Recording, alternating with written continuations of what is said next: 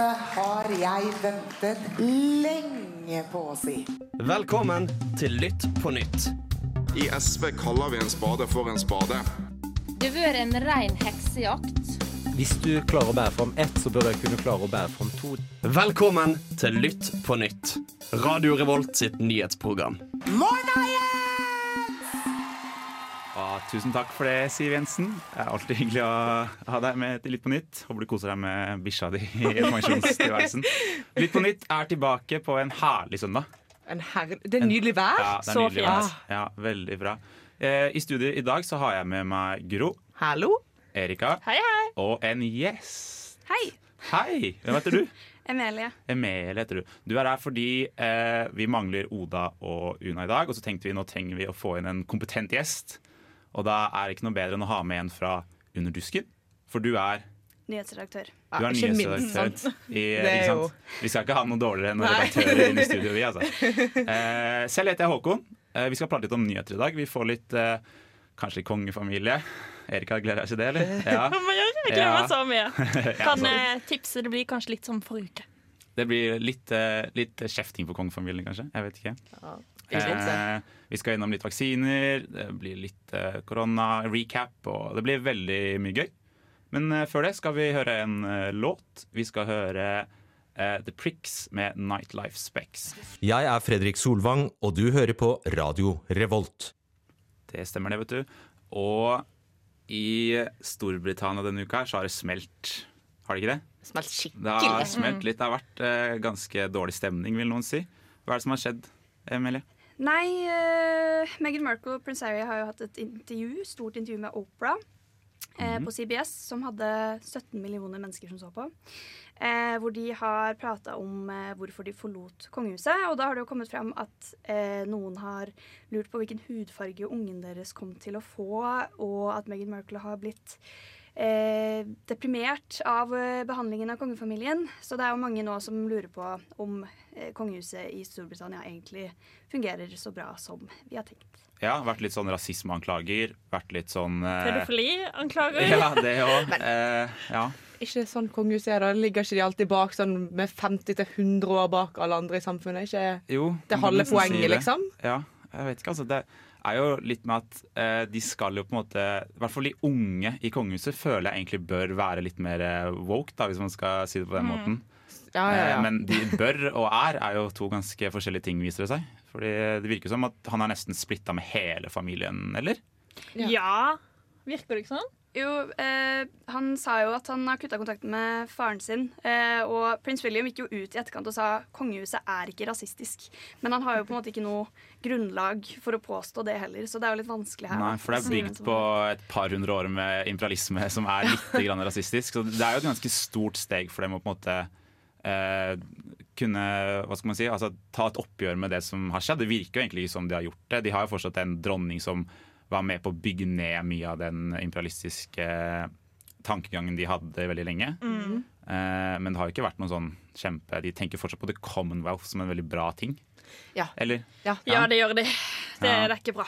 Nei, det er jo ikke det i det hele tatt. Men eh, altså Hvis man tenker at eh, dronningen kommer etter hvert til å dø, da. Det vil jo skje. Hun er jo hva gammel Men gjør det det? Hun er jo 95 allerede. Ja, liksom. Hun hun sitter hun fortsatt. dør. Jeg tror ikke hun gjør det. Men hvis vi tenker at mot for vi kanskje i 2040 så dør hun. Ja. Hva skjer med kongehuset? Det virker som at hun holder de sammen. Fordi jeg husker, altså, Prins Harry sa vel at hun var den ene som faktisk ikke hadde gjort noe dumt. Var det ikke noe sånt hun var ute og sa? Ja, ja, at de hun- sa at hun var faktisk den de klarte å respektere? Ja, men jo, Hva for hun skjer har når hun aldri gjort forsvinner? noe tull. Hun har aldri Ja. giftet seg og skilt Nei, hun har, hun har giftet seg, men hun har aldri skilt seg og hatt affærer og Som vi Hun har vet fulgt- om. Hun har fulgt regler, liksom.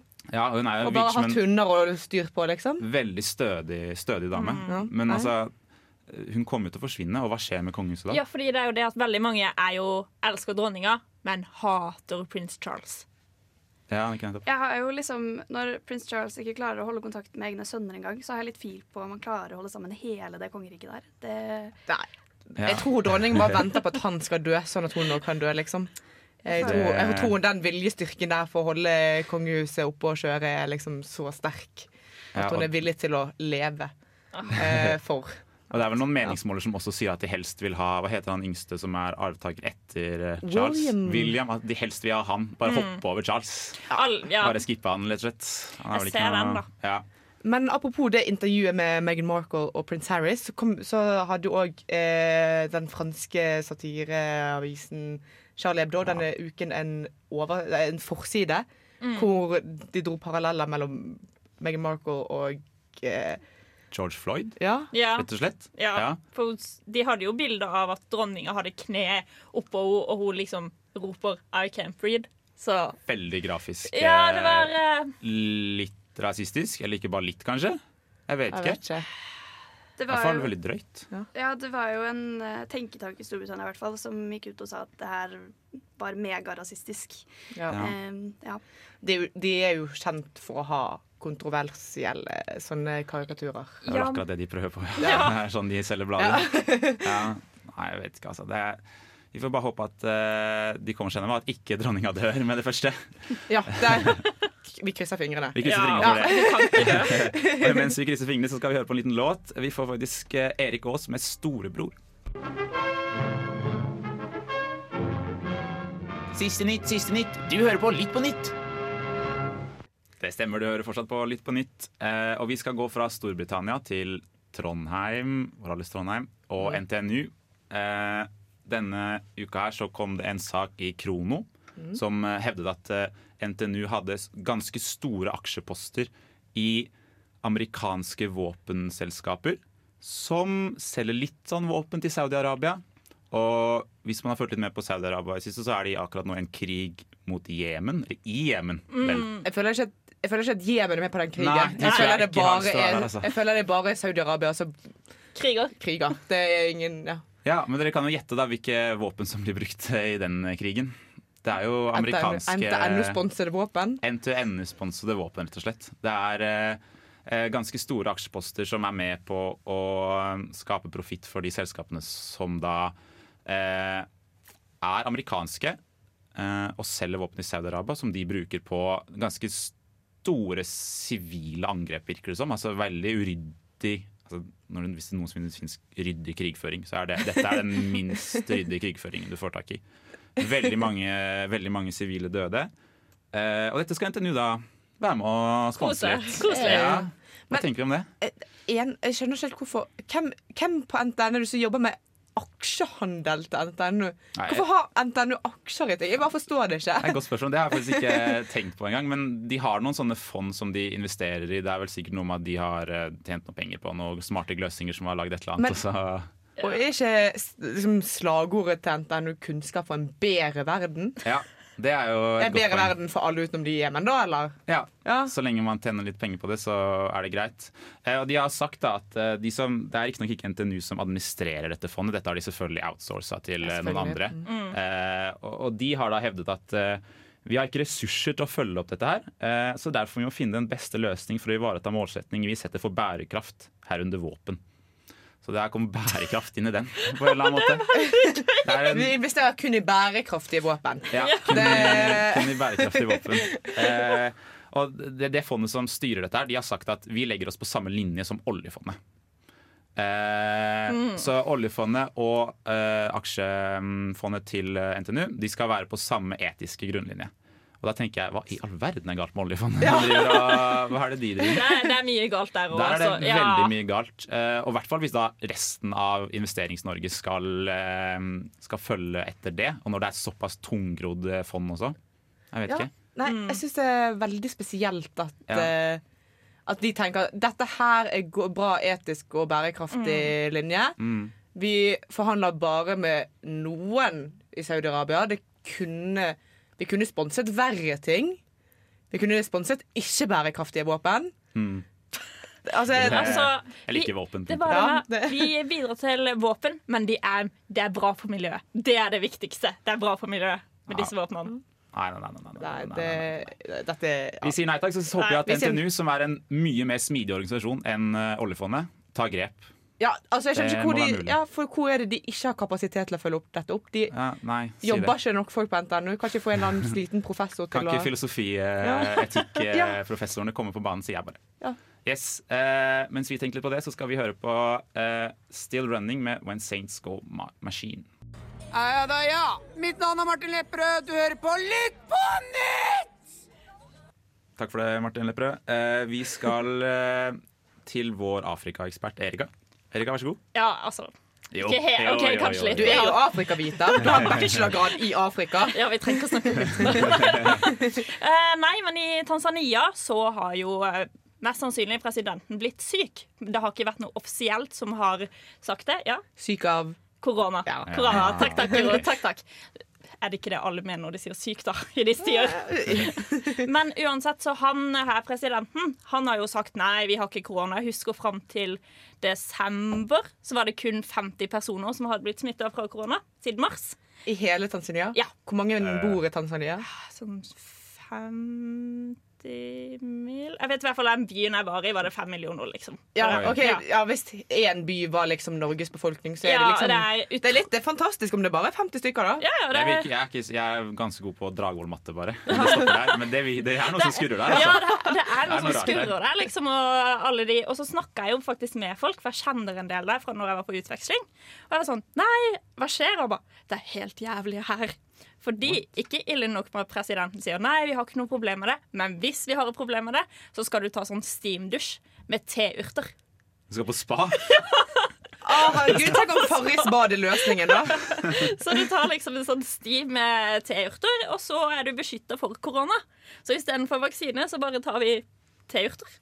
Får ikke blodpropp av det, da, i det minste. Nei. Men det er jo det som gjør det interessant, da, fordi det er jo tre mulige muligheter da, for at dette er grunnen til at han gjør sånn. Én er det fordi at han bare benekter det, anti-vaxxer, alt det her. Eller er det fordi han ikke gidder å investere i befolkninga? Fordi litt Ja. korrupsjon det er her og der, men liten korrupsjon. Det er bare med sånn betale og, byråkrati og sånn. Så ikke så ille korrupsjon. Men så kommer tredje. Er det fordi at de ikke har mulighet til å gi ut vaksiner? Og derfor så sier de at nei, det går ikke så ille for å bevare ro i folket. Fordi der er veldig sånn Jeg føler den, eh, den historien, ikke historien, men nyhetssaken om at hvordan går det egentlig med u-land og vaksiner? Vi hører jo bare om eh, at alle i-land driver og grabber til seg så mange Ja, vaksiner mm. de kan. Hva, hva skjer egentlig der nede? Vi testet de på u-land, og så tenker vi dere kan få de om tre år. Når, Ja. når dere Ja. har testet ferdig. Ja. Jeg så en sånn oversikt i dag eh, fra Nei, jeg husker ikke hvor. Men eh, det var i hvert fall oversikt over hvilke land som vil ha vaksinen når. Eller hele befolkningen er fullvaksinert. Omtrent hele Afrika så står det liksom kanskje sent 2023. Det er nettopp, ja. Ja, men Og vi skal være ferdig til sommeren.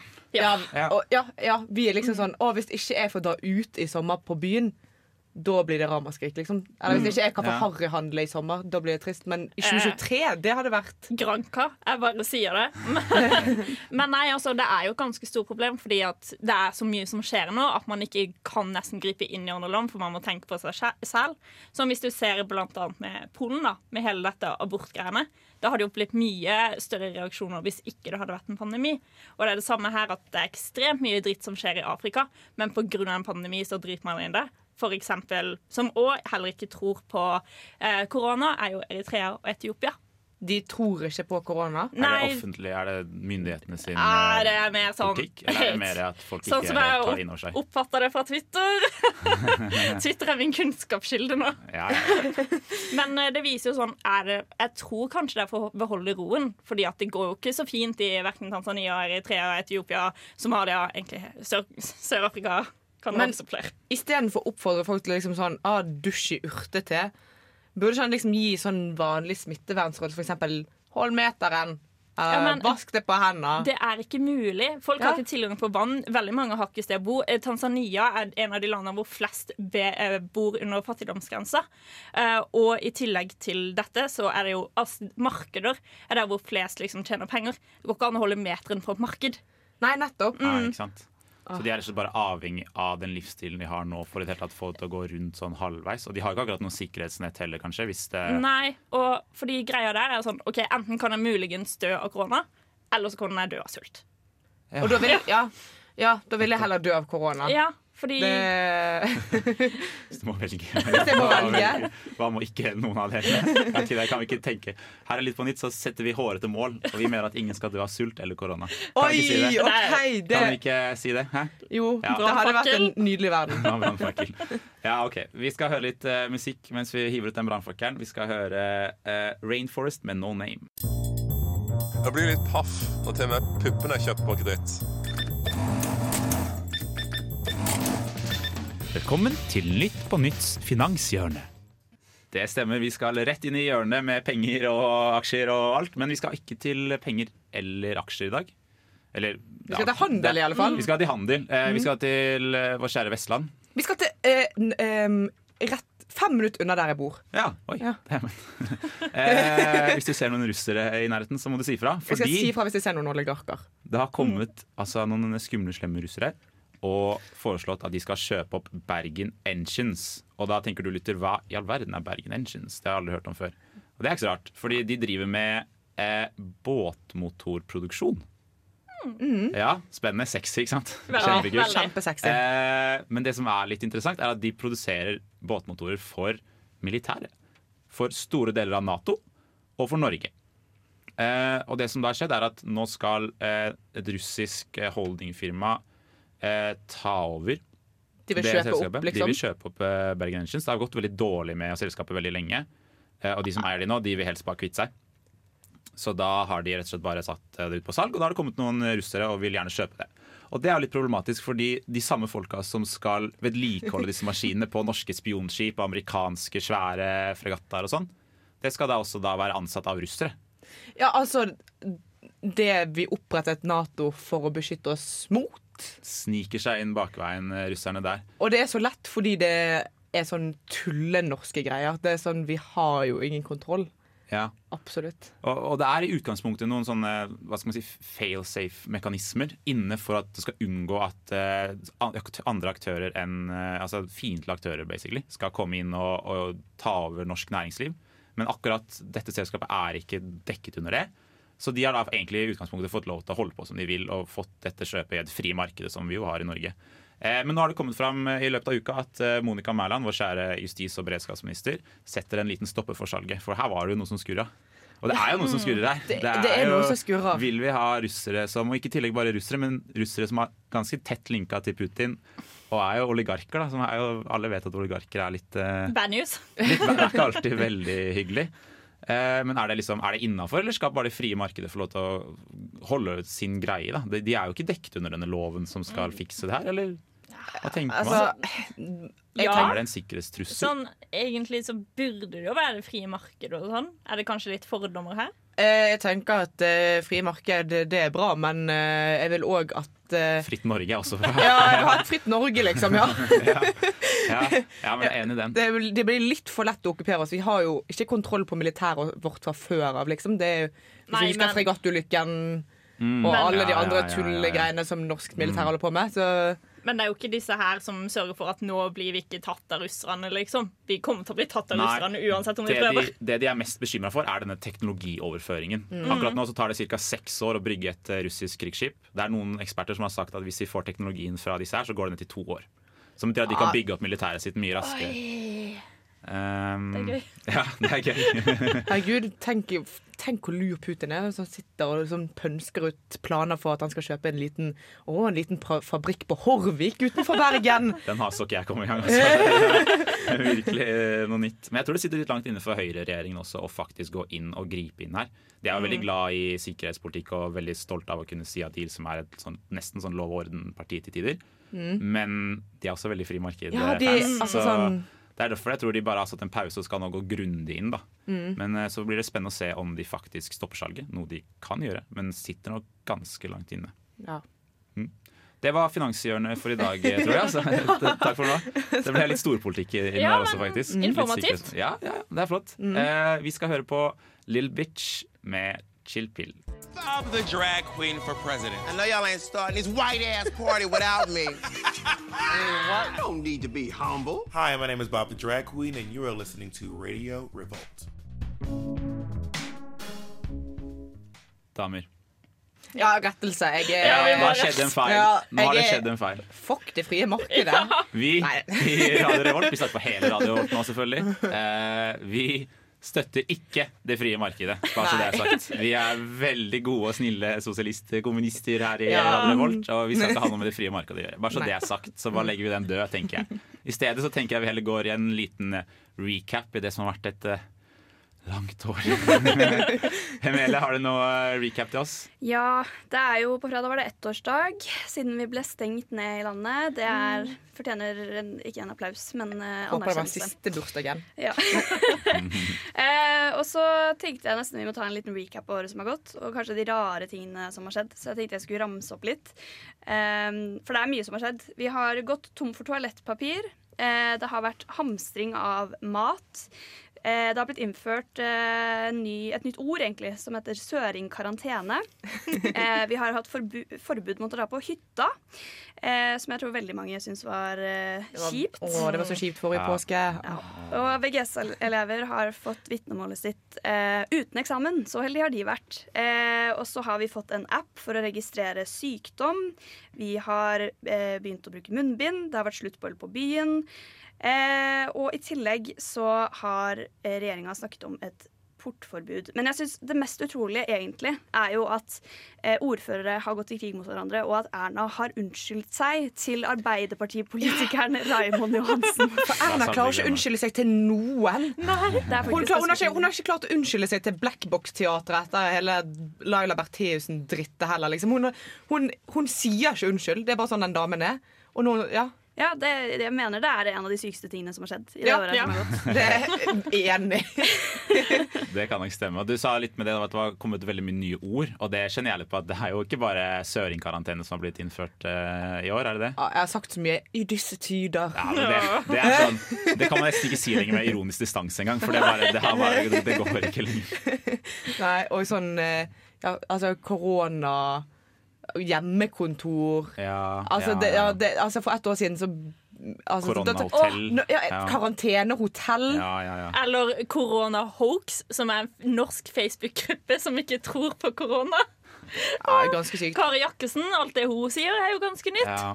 Men hvis vi skal liksom se det på eh, litt mer hva skal man si, seriøst plan, da, tenker Mm. vi at dette har vært et Det er jo åpenbart når du ser på de andre landene rundt om oss, at det kunne gått ganske mye dårligere for Norge. Men tenker vi at det har gått bra, eller? Ja Jeg syns eh, relativt sett at det har gått bra. Men eh, Jonas Gahr Støre var jo ute og kritiserte regjeringen her for i uke og sa sånn Ja, hvis Arbeiderpartiet hadde styrt landet, så hadde det ikke vært samme situasjon. Vi hadde hatt, det hadde vært en bedre situasjon. Men jeg lurer, jeg, lurer, jeg tror ikke at, eh, at dette året hadde vært så veldig mye annerledes uansett hvem som satt i regjering. Det tror jeg du kan, har nok rett i. Det kan Altså- hende at det er litt, liten, noen litt sånne her, eh, connections mellom noe, noe NHO og noe eh, Ja. Høyre som kanskje ikke hadde vært like sterke. Ja, og kanskje at vi ikke Eh, hadde sånn prioritert eh, å få liksom eh, prisene på alkohol og snus sånn ned på harryhandelnivå. Mm. Eh, det, var jo, det var en periode hvor vi gjorde det òg. Men tror du ikke kanskje han mente sånn kulturliv? Nei, jeg, jeg eh, ja, Jeg tror nei. han mente, jeg tror han Ja. alt, egentlig. Jeg tror Ja. bare han tenker at det er hans jobb som opposisjonspolitiker å si at han kan gjøre en Det er bedre jobb. valgkamp. Ja. Vi kan jo spekulere, da. Det kom jo frem i Aftenposten i sommer at eh, eh, regjeringa åpna jo opp til eh, reise til utlandet i fjor sommer. Og det hadde jo skjedd etter at de hadde fått eh, blitt pressa av NHO og næringslivsorganisasjonene. Eh, for de var sånn Vi trenger bedrift og støtte og sånn. Og så var de sånn OK, greit, vi åpner opp landet. Og jeg tenker at det er jo kanskje en ting som mulig ikke hadde skjedd med en annen regjering. Ja. De er jo veldig, de er veldig glad i Ja, det er sant. Og testing på grensen og sånn kan godt hende at det hadde blitt innført tidligere òg. Og et lite, Ja. lite lån som kanskje skulle vært litt stipend der, kan man jo også Ja. dra, det- dra av den igjen med Ja. en gang. Nei, men det har skjedd mye. Det har vært et langt år. Vært et Ja. langt år. Vi har, håper alle der ute har det bra, har kommet seg gjennom det greit. Vi står sammen helt til hva- Vi er de siste kilometerne av maratonet, føler jeg. Ja, veien Ja, er du Bent Høie, eller? Er det Ja, jeg er Bent Høie. Eh, det blir aldri en ny russetid. Det Takk, Jurund. Men og med det så tror jeg vi tar en låt. Ja. Vi skal høre Kavanishi Aeroplane uh, og Heavy Blood and Die. Å, wow, Dubai ble mye bedre med litt på nytt på øret. Ja, vi, åh, jeg Det er så deilig Dubai. Ja, jeg fryser at Dubai hadde hatt bilder av meg selv som er i Dubai. Eh, men det kan man ikke før kanskje man har en vaksine i armen. Men hva i all verden er det som skjer med vaksiner denne uka her? Og egentlig bare generelt. Emilie, har du noe på det, eller? Jeg har gjort litt statistikk, Oi. faktisk. Ja. Eh, nå per i dag er det 4,6% av befolkningen som er vaksinert. Eh, og jeg tenkte vi skulle sammenligne litt. Eh, Israel har nå 47% vaksinert, angivelig i hvert fall. Og USA eh, har fått 11% vaksinert, og de er jo ganske mange flere enn oss. Så det går, det går litt treigt, vil jeg påstå. Eh, og mange mener jo nå at eh, det er EU som må klandres. Fordi at eh, folk som har gjort private avtaler med selskapene, får vaksiner mye eh, kjappere. Så det her har jo satt i gang en helt ny eh, EU-debatt. Eh, men enda mer spennende angående vaksiner, og for så vidt eh, litt trist, er jo at eh, det er nå tre helsefagarbeidere som har fått blodpropp etter å ha tatt AstraZeneca-vaksinen. Og Erna har jo sagt at hun er mer redd for korona enn for vaksiner. Men likevel så er det nå mange som ikke har lyst til å ta den vaksinen lenger. Men eh, altså, jeg utsetter jo meg sjøl for blodpropp hver eneste dag med å ta p-piller, f.eks. Altså Ja. Hvis du ja. leser på, hvis leser Ja. på Paracet-bivirkningene, så er det sånn helt sjuke Mm. ting som står der som du ikke vil tro når du skal ta en Paracet. Ja. Liksom. Ja. Så det er jo Det vel et sånn nytteforhold her som de prøver liksom å Dør det flere folk av blodpropp enn enn korona? Er det liksom det de tenker når de skal finne ut av det? her? Hvis det, så må vi slutte med p-piller. Og Paracet. Ja, og Eh, men ja, det er jo åpenbart ikke bra at, eh, at AstraZeneca-vaksinen kanskje kan ha så alvorlige bivirkninger. Eh, og Det er litt jo krise, faktisk. Det er veldig krise, fordi at eh, vi har jo stoppet all vaksineringen av med AstraZeneca i Norge og i veldig store deler av verden òg. Mm. Eh, og eh, det setter jo en stor bremse i vaksineringen vår, liksom. Det, Ja, Det optimistiske anslaget til FHI Det ser jo litt tynt ut uten AstraZeneca-vaksinen, vil jeg tro. ja. Ja, Det spørs om det blir noe Sommerferie. sommerferie. Det blir ikke noe Dubai-tur til på meg. Nei, nei, nei. Det blir ikke. Dubai i sommer. Ah, Men, men, nei. ja. Jeg tenker jo nesten enda verre er jo det at eh, altså de som var skeptiske til koronavaksinen fra før, Ja. som kanskje har begynt å komme litt på glid, nå blir sånn Dette er det farligste i hele verden. Ja, jo, men jeg er enig i deg i det. Men samtidig så beviser dette for de òg OK, når det faktisk er noe galt med vaksinen, så blir jo det krise med en gang. Vi beviser jo kanskje litt det motsatte òg. Sånn, idet vi oppdager noe som er feil, så setter vi alt på pause, alt på vent, i sekunder, liksom. Eh, Så at eh, da- altså, det kanskje er et slags bevis på at du må stole på de vaksinene vi sender ut òg, eller? Å nei, eh, det gjør det ikke. For jeg var innom min okay. favoritt-Facebook-gruppe, Corona Hoax, igjen, i går bare for å sjekke hvordan er stemninga der. Ikke bra. Ikke bra. Det er- Ja, ja, dette er bare sånn, ja, for de skal, vi skal bare gi det en smakprøve liksom, på hvor ille staten kan få disse her til å gjøre, fordi det er staten som har fiksa blodpropp. Ja, Ja, det er, eh, det Jeg tror rett og slett de ikke stoler nok på staten uansett hva de gjør. Ja. De ser, altså det fins fortsatt folk som er stressa for svineinfluensavaksinen i sånn elleve år tilbake, og det var jo, det var genuint noe galt med den, men Ja, de men du, ikke, du kommer ikke til å få narkolepsi nå, liksom. Nei, det, det, det spørs. Og man, man trenger jo at en veldig stor del av befolkningen tar denne vaksinen her. Og Ja. jo flere som havner på Coronahawks Facebook-sida, som ikke er Erika, som klarer å ha distanse til det, jo verre er det jo for, eh, for alle, egentlig. Jeg skjønner jo litt stresset, for det er jo litt sånn hvis du både tar p-piller og røyker og fyller deg med AstraZeneca-vaksine, så, så skjønner jeg at altså, hvis du utfordrer dette nok, så blir det jo på et eller annet tidspunkt et problem, på en måte, da. Har de sjekka om de røyker, de som har tatt det? Ja, for jeg tenker kanskje, kanskje egentlig at de skulle prøve å unngått de som har sjanse for å få blodpropp fra før. Mm. At det kunne vært en løsning. Ja. Fordi vi må jo nesten bruke den vaksinen her for at, vi skal, at det skal komme litt fortgang i det. Men det ble jo òg godkjent en annen vaksine denne uken. Johnson Johnson. Wow, digg. Men den får ikke vi før i april, så det er ikke så kult. Vi kan ikke vinne, ass. Nei. Men vi får den til slutt, eh, folkens. Det, det er bare å holde ut, som Bent Høie sier. Hei. yes, og imens så får vi høre på litt bra musikk isteden. Vi skal høre Kings Gun Kwon og Siabong med Hasjkrisen. Hei, det er Kyra Gørvla Kygo Nei, bare kødda. Det er Thomas Seltzer. 30 år eldre enn Kygo. eh, Og du hører på Radio Revolt. Det stemmer, det. Eh, oh, oh. Noen har hacka. Noen er hacket. Oh, oh. Det har vært noen gamere hacka. Noen. Hvor, hvor er, hvor er E-tjenesten? Hva skjer, Guro? Jeg vet ikke! Jeg vet ikke. Uh, dette er andre gangen på et halvår hvor Stortinget er hacket. Og det er så flaut! Ja. Jeg skjønner ikke hvordan det er mulig at ikke sånn E-tjenesten får på plass liksom litt sikkerhet. Jeg får, altså, hva er, tror Har du det er prøvd sånn brannmur, liksom? Ja, Hva skjer? Altså, det beste det var når kopimaskinen på Stortinget ble hacka. Det er for lett. Det er for lett, men uh, vi eh, kan jo le så mye jeg vil bare det, men det er Det- jo ganske det er ganske krise. Krise, Ja. eller? Det er ganske krise, og det var et ganske omfattende dataangrep òg. Uh, og eh, forsvars... Eller eh, etterretningstjenestesjefen Nils Andreas eh, Stenør mener at det er et annet stat som står bak. Eh, enten Kina eller Russland er hans store hovedmistenkte. Og er det jo en overraskelse? Eller? Nei, det er jo de som alltid. Absolutt ikke. Nei? Det er vel de som ypper seg når det er Ja. Når det litt kommer- sånn shady Ja. opplegget. Jeg, jeg føler hver gang jeg er sånn OK, er det Kina? Er det Russland? Det er Men- ikke noe andre Men hva var det de fikk med seg, da? Var det Det vet de ikke. Det er jo det som er problemet. Det, Vi vet de er ikke helt sikre. Men Å, eh, det, det, de har tydeligvis hatt tilgang til litt viktige ting, da. Og det er jo valgår og altså AtB. Ja. ja, De har hacket AtB òg, ja. Jeg vet ikke helt hva de skal ha tilgang til der. Ræva økonomi og dyre billettpriser.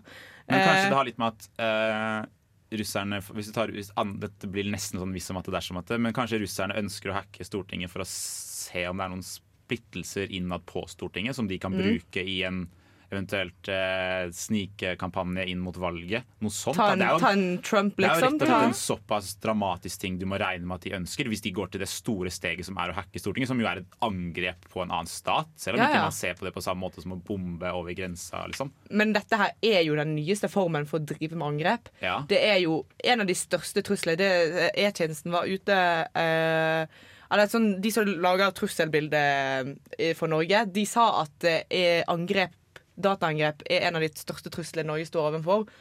Og eh, at eh, Ja, vi ser jo at eh, nå at vi Ja, er- blir utsatt for flere av de. Det er, det er mye, faktisk. Det, er, Ja. det, det skjer ofte, og det skjer eh, ganske sånn under radaren kontra et eh, bombeangrep. Ja, Liksom. Ja. det er nettopp det. Og at mange kanskje ikke ser på det som like alvorlig, men òg Det er kanskje ikke like alvorlig på samme måte, men det er en alvorlig sak. Ja. Det er jo den nye formen for krigføring. Absolutt. Det, det kan man tørre å påstå. Få på en brannmur. Jeg ser for meg russerne er sinna for at eh, de vurderer å ikke gi dem Bergen Engines. Ja. Åh. Er de fortsatt salty av Frode Berg eller noe sånt? Da? Ja. Så eh, til alle gamere der ute, ta dere en hvit monster, pust rolig, og ikke hack Norge, please. Vi har ikke noe forsvar, så bare ikke gjør det. Vær så snill. Eh, Vi skal høre litt eh, musikk. Vi skal høre Big Baby Scumbag med Crank That Yu-Gi-Oh! Jeg elsker kommunereform, og derfor hører jeg på Lytt på nytt. Og en eh, viktig del av kommunereformen er vedtatt i Stortinget, vårt eh, høyborg for demokrati. Men hva skjer med demokratiet om dagen? Jeg, jeg ble så nailer de, jeg, jeg Jeg ble så satt ut av den overgangen der. Sånn, vi skal snakke om demokratiet, det er ikke kommunereformen nå. Eh, det står elendig til med demokratiet. Hvor, ja, en liten gjettekonkurranse. Hvor mange prosent av verdens befolkning tror dere at lever i et fullverdig demokrati? 14. Fullverdig, sier du nå. Eh, 25. Mm. Emilie? Jeg sier eh, 21. 21, ja. Man skulle jo trodd altså For det, dere sier jo alle er ganske pessimistiske tall. Eh, men det ekte tallet er eh, 8 av verdens befolkning bor i det man kan kalle et fullverdig demokrati.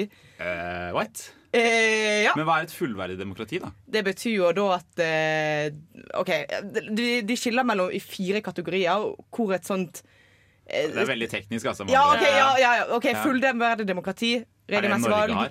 Ja, Norge er på toppen av den listen. Okay. Vi er en av 8 Og eh, det betyr at vi har regelmessige valg, vi har pressefrihet, bla, bla, bla. Politikerne Ja. driver ikke med korrupsjon. Eh, mens andre land har kanskje regelmessige valg.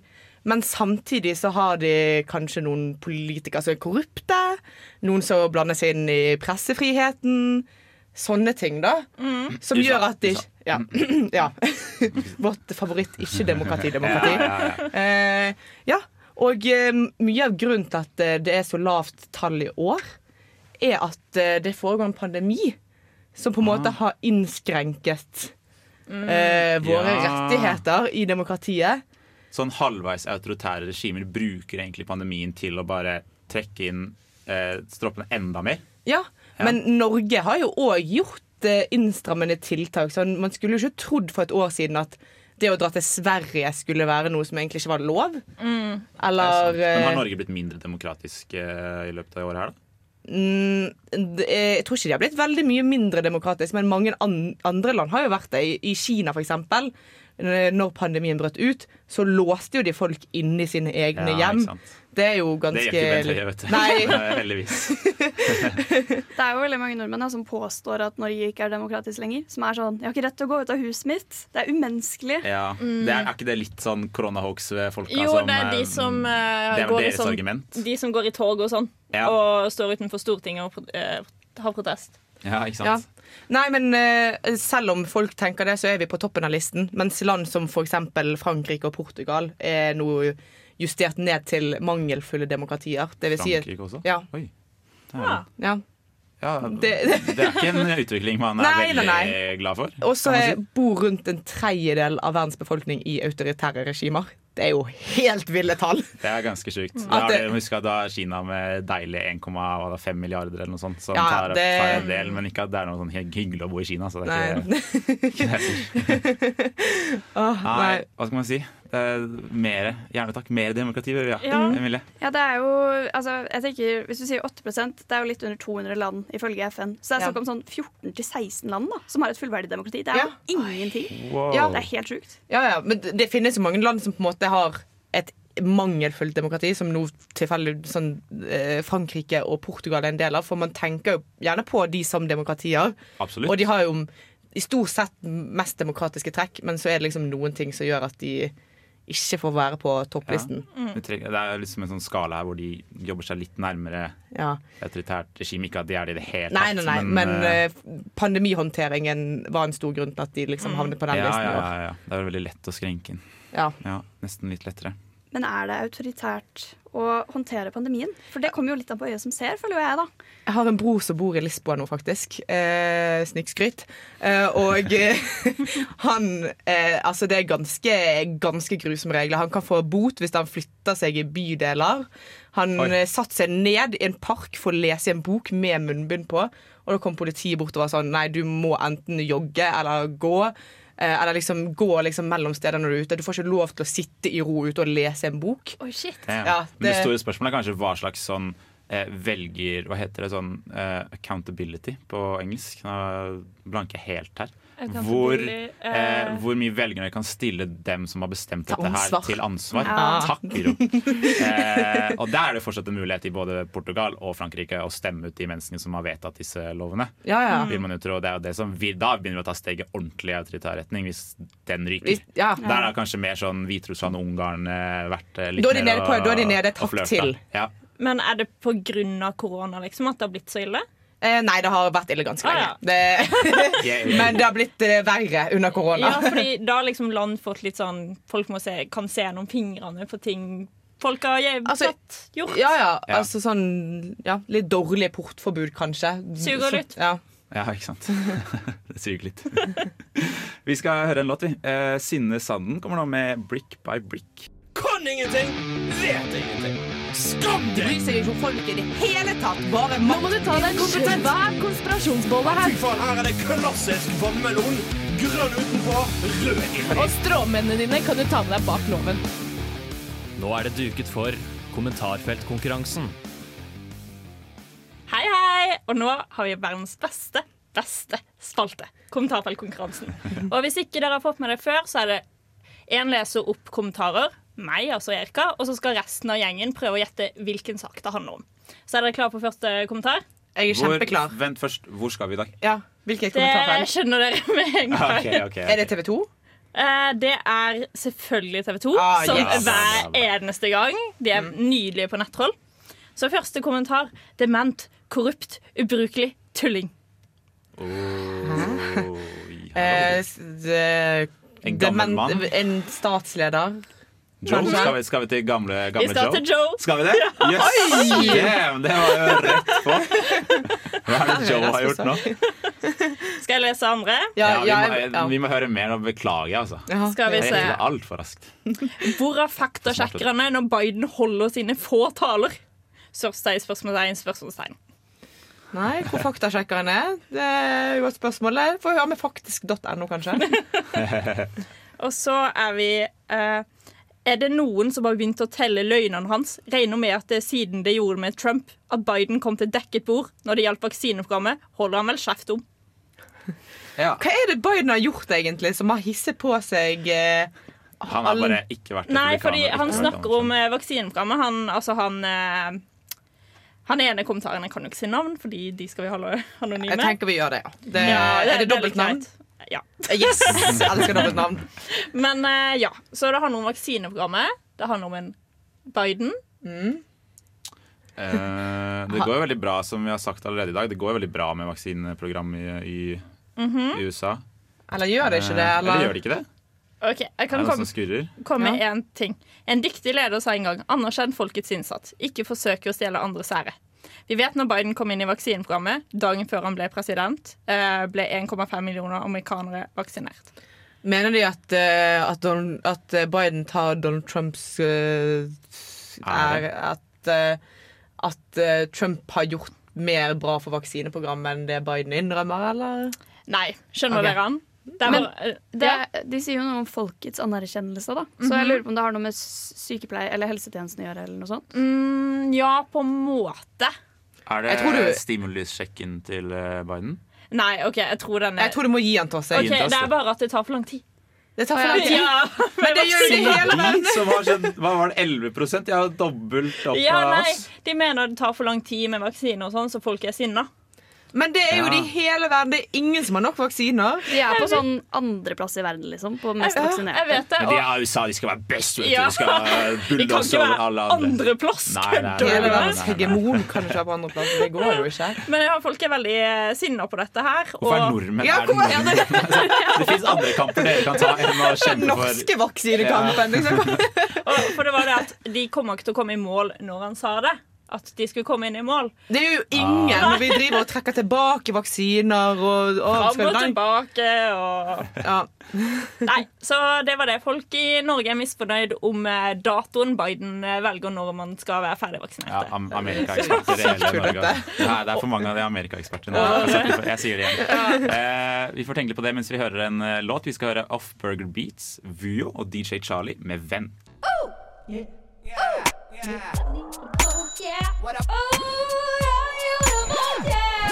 Det er Torstein Hyl, og jeg hører kun på Radio Revolt. God stil! God stil. Eh, nå kjenner jeg. Nå trenger jeg å gå litt inn i offerrolle som student her. Ja. Ja, eh, og da, Emilie, har du noen gode saker til oss som eh, Jeg har det. Jeg Ja. har en, eh, en trist sak, eh, men det er det jo mange studentsaker som er. Em, en som eh, heter Karoline, eh, skrev en twittermelding for noen dager siden hvor hun skrev altså at eh, de, hun mista huset sitt i Gjerdrumraset. Eh, og da mista hun selvfølgelig alt hun eide, bl.a. vitnemålet sitt fra NTNU. Så hun sendte en mail eller tok kontakt med NTNU og var sånn Hei, kan jeg få vitnemålet mitt, fordi jeg får ikke søkt jobb uten. Og så sa NTNU nei, du har fått vitnemålet ditt. Eh, så de kunne lage en kopi, men den kopien kan ikke hun gi til arbeidsgivere. Så hun har basically ikke noe vitnemål lenger Hun har mista vitnemålet sitt i Gjerdrum. Og så får hun ikke nytt av NTNU. Det er ganske sjukt. Hva skjer med universitetet vårt, egentlig? Hva, verdens minst sympatiske universitet? Så, de hadde jo kontakta Mathilde Tybring-Gjedde, som er stortingsrepresentant, og hun hadde sagt nei, nei, nei, det går faktisk ikke an. Her må det bare fikses NTNU. Og jeg føler det Men det går jo ikke an! Det går jo ikke an. Sånn, skal vi ha et universitet som støtter våpen, og så i tillegg ikke støtter ofre? Jeg sa i stad at NTNU er mer fleksibel enn oljefondet, men jeg begynner å, Begynner å lure, litt. altså. Herregud. Hæ? Og Man så jo også en sak denne uken her om at det var noen, eh, en student som hadde født åtte uker for tidlig. Mm. tror jeg. Tvillinger. Tvillinger. Ja.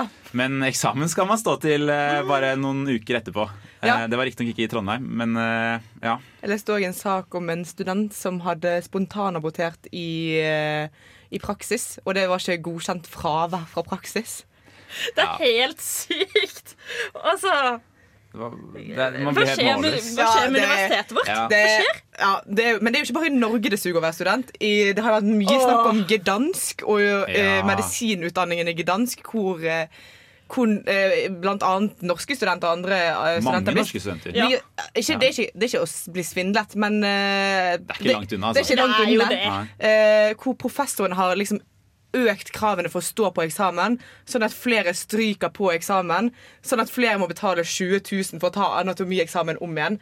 For at de skal kunne tjene penger på studenter. Hvis ikke det er baksida av kapitalismen, så vet ikke jeg. Men det beste er jo at han ble busta gjennom et eh, lydopptak. Ja, ja for de sånn 60-åringer som ikke klarer å skru av mikrofonen, Ja, eller men- ja, ja, At dette var jo sånn privat samtale sånn ha-ha, hvor mange kan vi få til å stryke denne våren? Og det er jo så mange som studerer der. Sånn, eh, norske eh, sånn, studenter kryr jo i Gdansk. Sånn legestudenter og sånn. Men det er bare Ja, ja, det. det kryr jo av legestudenter hel, nei, norske legestudenter i hele Øst-Europa. Og hvis de driver og liksom eh, drar rundt hver minste krone de kan av det, det er så skittent. Men det viser jo bare hvor dårlig studenter blir behandla. De skal stryke, de får ikke fravær for abort eller fødsel eller Skal føde tvillinger, men eh, ja, du skal møte opp på sluppen om en halvtime. I sykehussenga, liksom. Det, det, det blir Eller du har allerede fått et fysisk vitnemål. Du får ikke til. Du får ikke med, selv om du mista det i et ras. Som er det grusomste raset som har skjedd noensinne.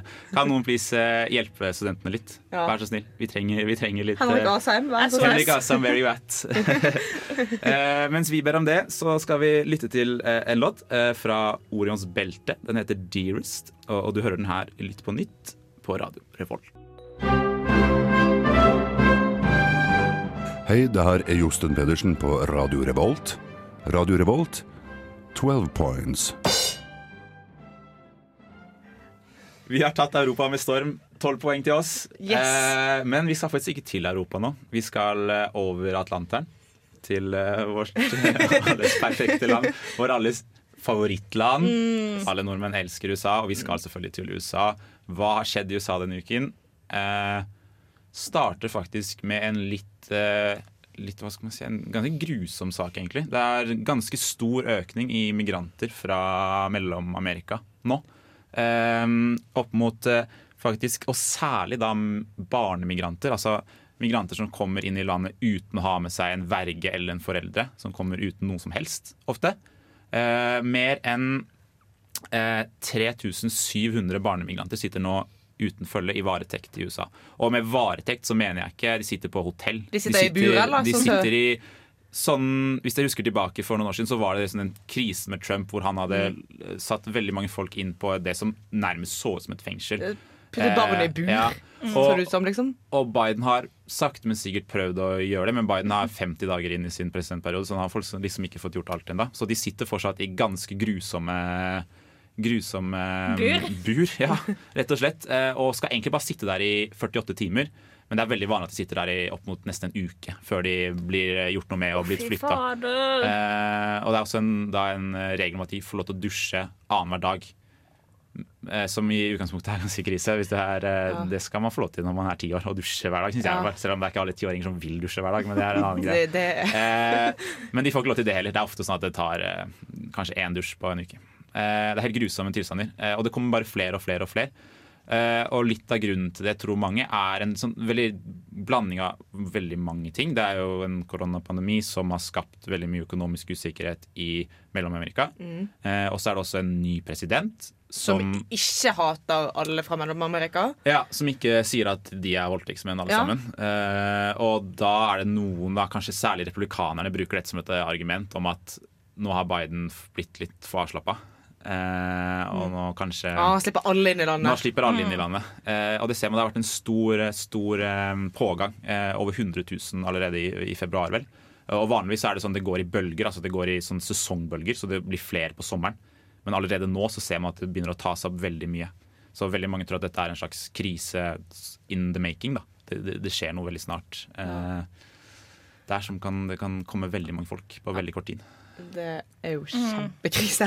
Det er megakrise. Det blir en stor eh, utfordring for, for Joe Biden. Ja, og for alle som har håp om å liksom få lov til å komme inn. inn bedre liv. Ja. Ja, ja, ja, ja. Ja, nei, de, eh, altså, de prøver jo, Biden har jo prøvd å gjøre det litt mer humant enn det Donald Trump gjør, og det skal jo lite til. Fordi han var Ja, lite til. eh, Hva var det? Aliens?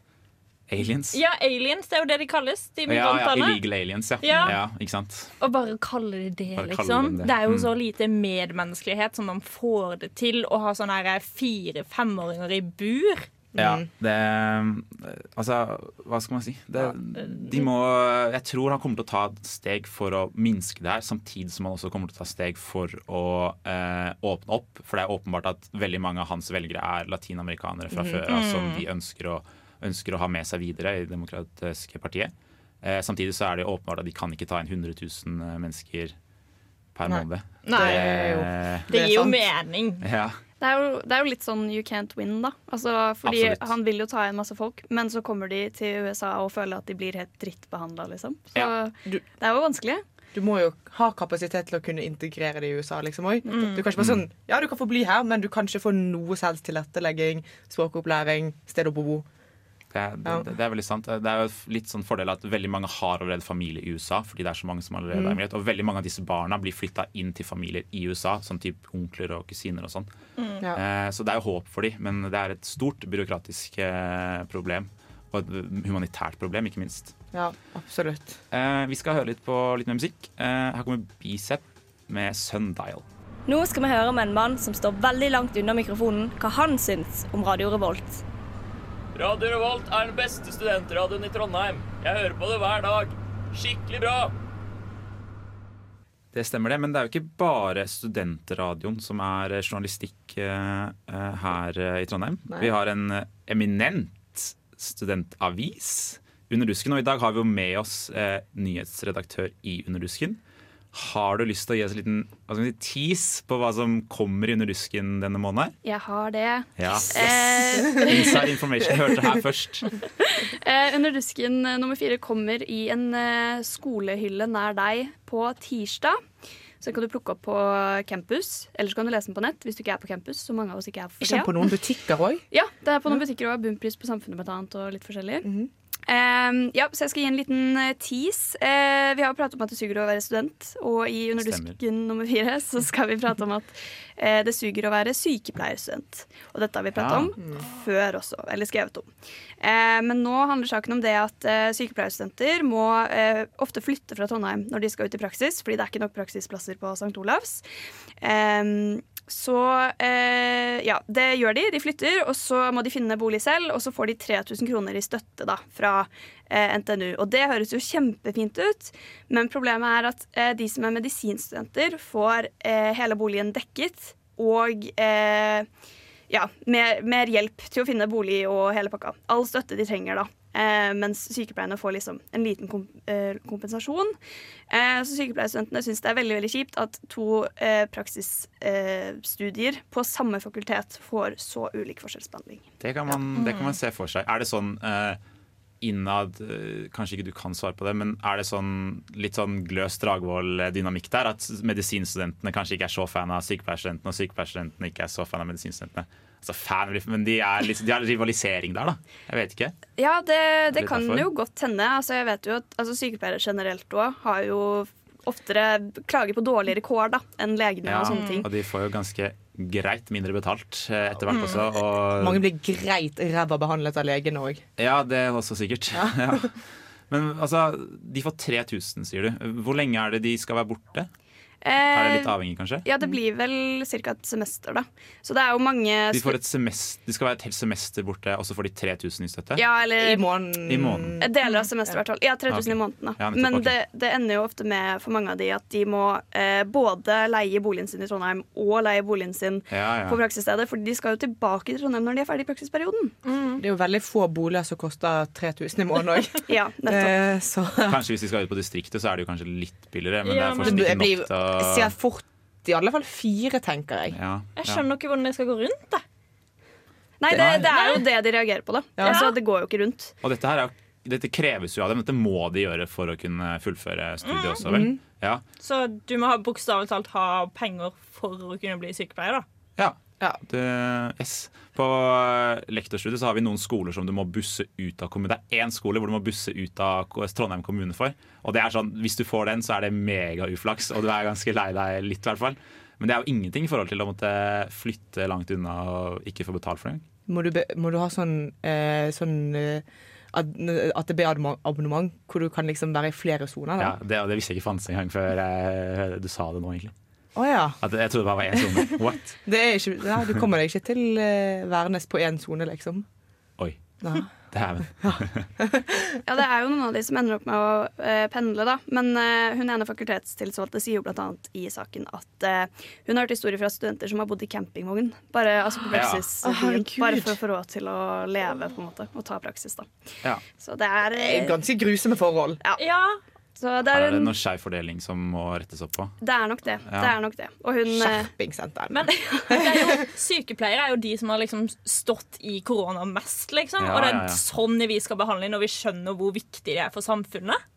Ja, Jeg blir nei. skikkelig provosert. Ja, det, det skjønner jeg godt. Ja, det her er jo andre saken vi skriver på noen få måneder om sykepleierstudenter ved NTNU, og at de har det vanskelig. Så jeg føler jo kanskje det burde skjedd noe. Ja. Det burde det. Kan ikke vi i NTNU nok en gang? Vi, det er mye Altså, det er veldig mye NTNU, ja. Veldig shady nå. Skjerpe seg litt, tenker jeg. Ja. Vi, vi sender ut en liten skjerpings til, NTNU vi blir NTNU. neste gjest her. Ja, ja.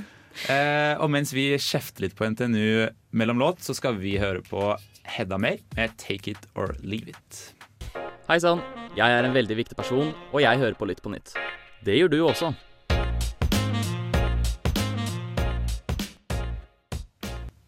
Nå tenkte jeg vi skulle ta en uh, tur uh, ned til Sveits, faktisk. Uh, I Sveits denne uka så har det vært folkeavstemning. Det er veldig mye folkeavstemninger i Sveits. De har sånn direkte Ja. demokrati, så de stemmer over ting ofte og mye. Men denne gangen her så har de stemt eh, over et burka- og nikab-forbud. Eller egentlig ikke det, de har stemt over et forbud om å dekke seg til i det offentlige rom. Mm. Eh, litt, ir- ja, litt ironisk når det er maske... Gjelder det skjerf? Ja, Det gjelder alt som dekker til ansiktet ditt, sånn at det ikke går an å se hvem du er. Men får du lov til å bruke munnbind? Det skulle jeg tro. Jeg håper det. ja. eh, hvis ikke så er det veldig rart. Eh, men det som det egentlig er, Det er er et burka- og nikab-forbud. Forkledd i sånn Vi, Ja. ikke, vi hater ikke islam. Vi hater ikke islam. Og det, det har vært en uh, debatt ganske lenge i, uh, i Sveits om dette her er greit. Om dette går utover mange kvinners sin, eh, sin mulighet til å velge selv hva de ønsker å ha på. Skal, Mhm. man, skal man gå inn som en stat og bestemme det? Og Det er en debatt vi har hatt i Norge også. Det er blant annet ikke lov med i hvert fall nikab på skoler eh, i Norge. Mm. Eh, og skal man ikke det? Det samme skjedde i Sri Lanka denne uka. Der har det også vært et vedtatt et eh, burka- og nikab-forbud i det offentlige rom. Eh, og ja, eh, I Sveits er viser det tror at det er rundt mellom 20 og 30 kvinner som bruker det her Er det ikke daglig. Det er veldig voldsomt å ha en stor folkeavstemning på noe som går utover Mm. 20 kvinner, ikke? Jo, men det, her, det samme skjedde jo i Frankrike, hvis jeg ikke tar feil. da. Eh, Frankrike har veldig, strenge lover på ja, de har veldig strenge sekul, sekulære lover. Sånn, Mm. Ja, Der kan ikke du gå med korsmykke heller, da. Nei. Nei. nettopp. Det her ble jo det ble fremmet forslag på Stortinget tror jeg, i Norge mm. for noen år siden. For jeg mener jeg husker det var, kom plutselig en sånn kjempestor debatt rundt det. Og jeg tenker også sånn, jeg vet ikke, Det er sikkert i Norge ti kvinner eller noe, da, kanskje litt mer, jeg vet ikke, mm. som bruker burka og nikab. Og så tenker jeg litt sånn altså, Folk har så utrolig sterke meninger. Og de har kanskje aldri sett en kvinne i burka og nikab i hele sitt liv. Og så likevel så jeg, jeg hadde en historielærer som sa at eh, ja, men det er jo som å prate med en potetsekk. Og så sa Oi. jeg til han Har du noen gang prata med noen i burka og nikab, liksom? Nei, det hadde han jo ikke, da. Og så var jeg sånn, men likevel så har du så sterke meninger. Det, det verste var jeg fikk høre akkurat det samme. Ikke sant? Det er jo en gjenganger det med at øh, folk skal bestemme hva andre folk skal ha på seg. eh, og hvordan de skal utøve sin religion. Ja. Eh, og i hvert fall på dette her hvor det på en måte det blir liksom litt feil å bruke ordet krisemaksimering på noe som egentlig ikke er en krise. det For det er helt lov å gå med burka og nikab. Det er jo selvfølgelig helt greit, men for, altså, den åpenbare konnotasjonen her er jo at dette her er ekstremister.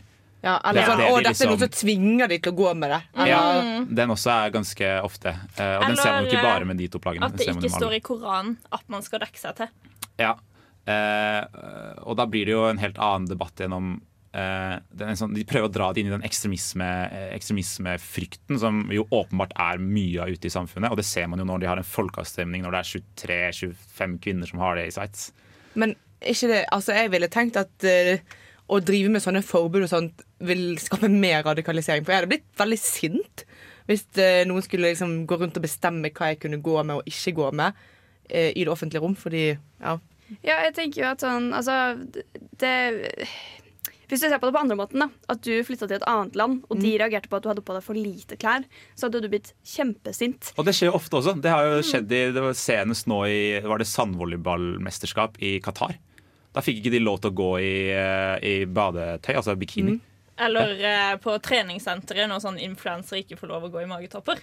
Ja, ja. Det blir jo katastrofe. Ja, det jo men det blir jo det. Ja, altså, jeg, så jeg kan jo skjønne liksom, i helsetjenesten og kanskje skoler, da, i sånne yrker hvor du gjerne må se ansiktene til folk, så kan jeg jo skjønne at det, at det kanskje trengs litt reguleringer. Men i det hverdagslige så er det jo veldig rart å bestemme hva folk skal ha på seg. Det gjør jeg, da. Absolutt. absolutt. Og i tillegg da trekke det inn i noe som kanskje ikke faktisk representerer de kvinnene i det hele tatt. Mm. Mm, Bare absolutt. representerer en slags idé veldig mange folk der ute har, Mm. om at den koblingen mellom ekstremisme og eh, muslimske klesplagg er så sterk som den er. Noe man kan sto sette store spørsmålstegn til. Ja, ja. Absolutt.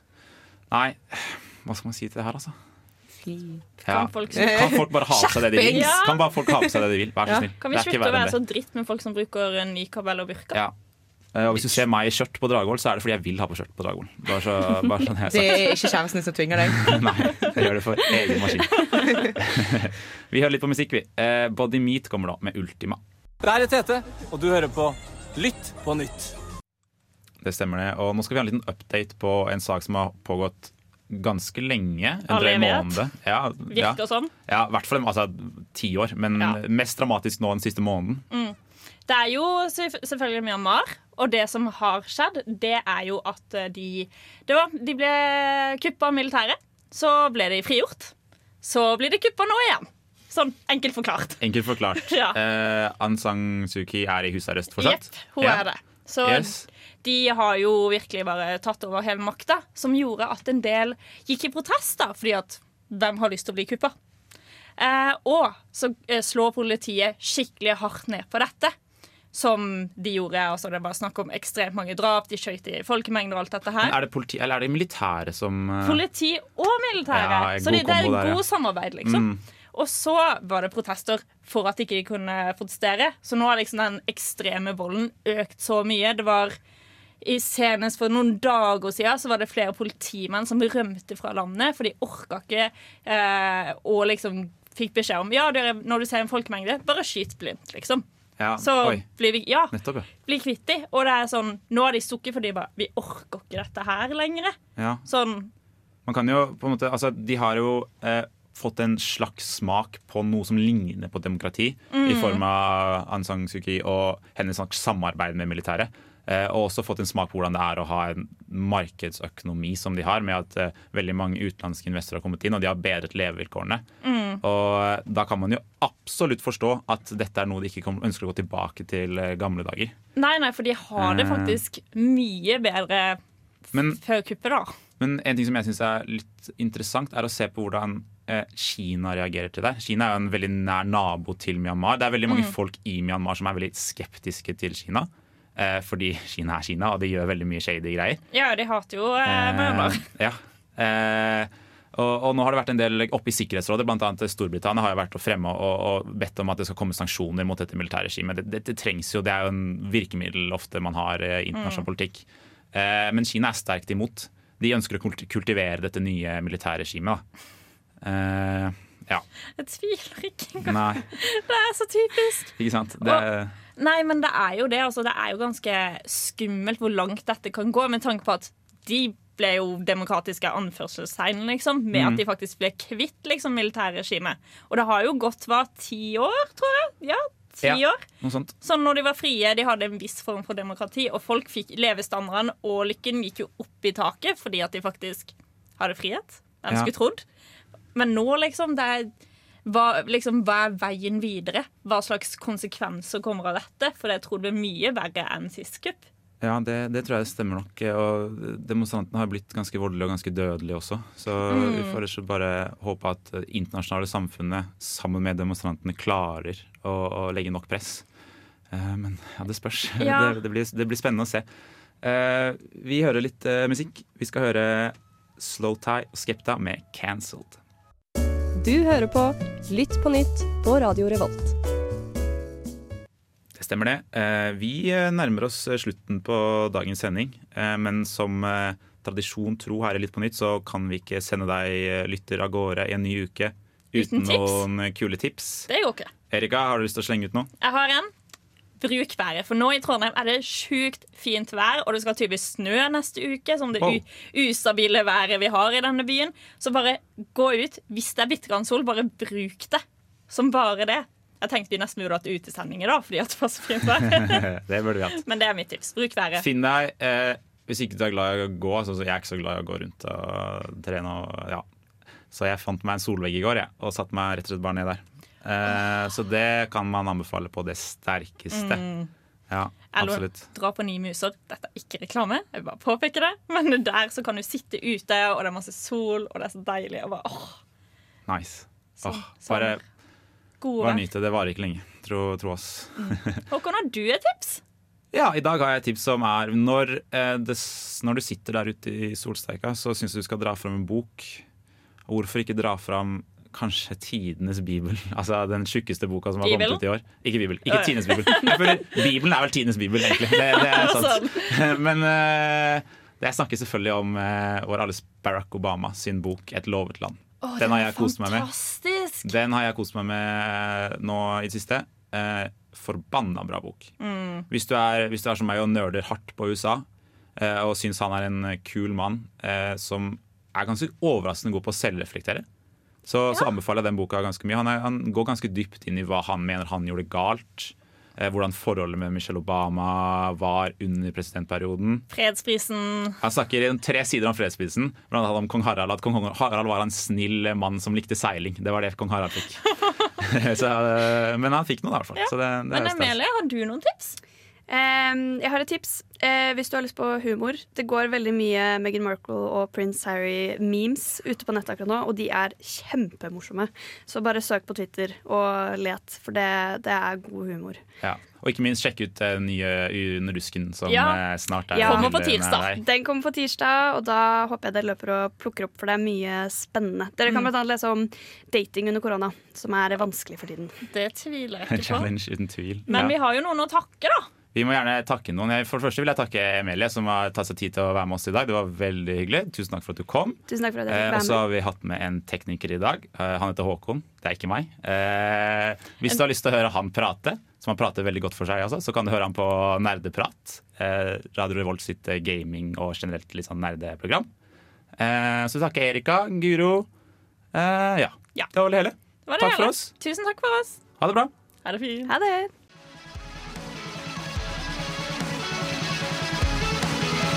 Aiming for en rike. Radio Revolt.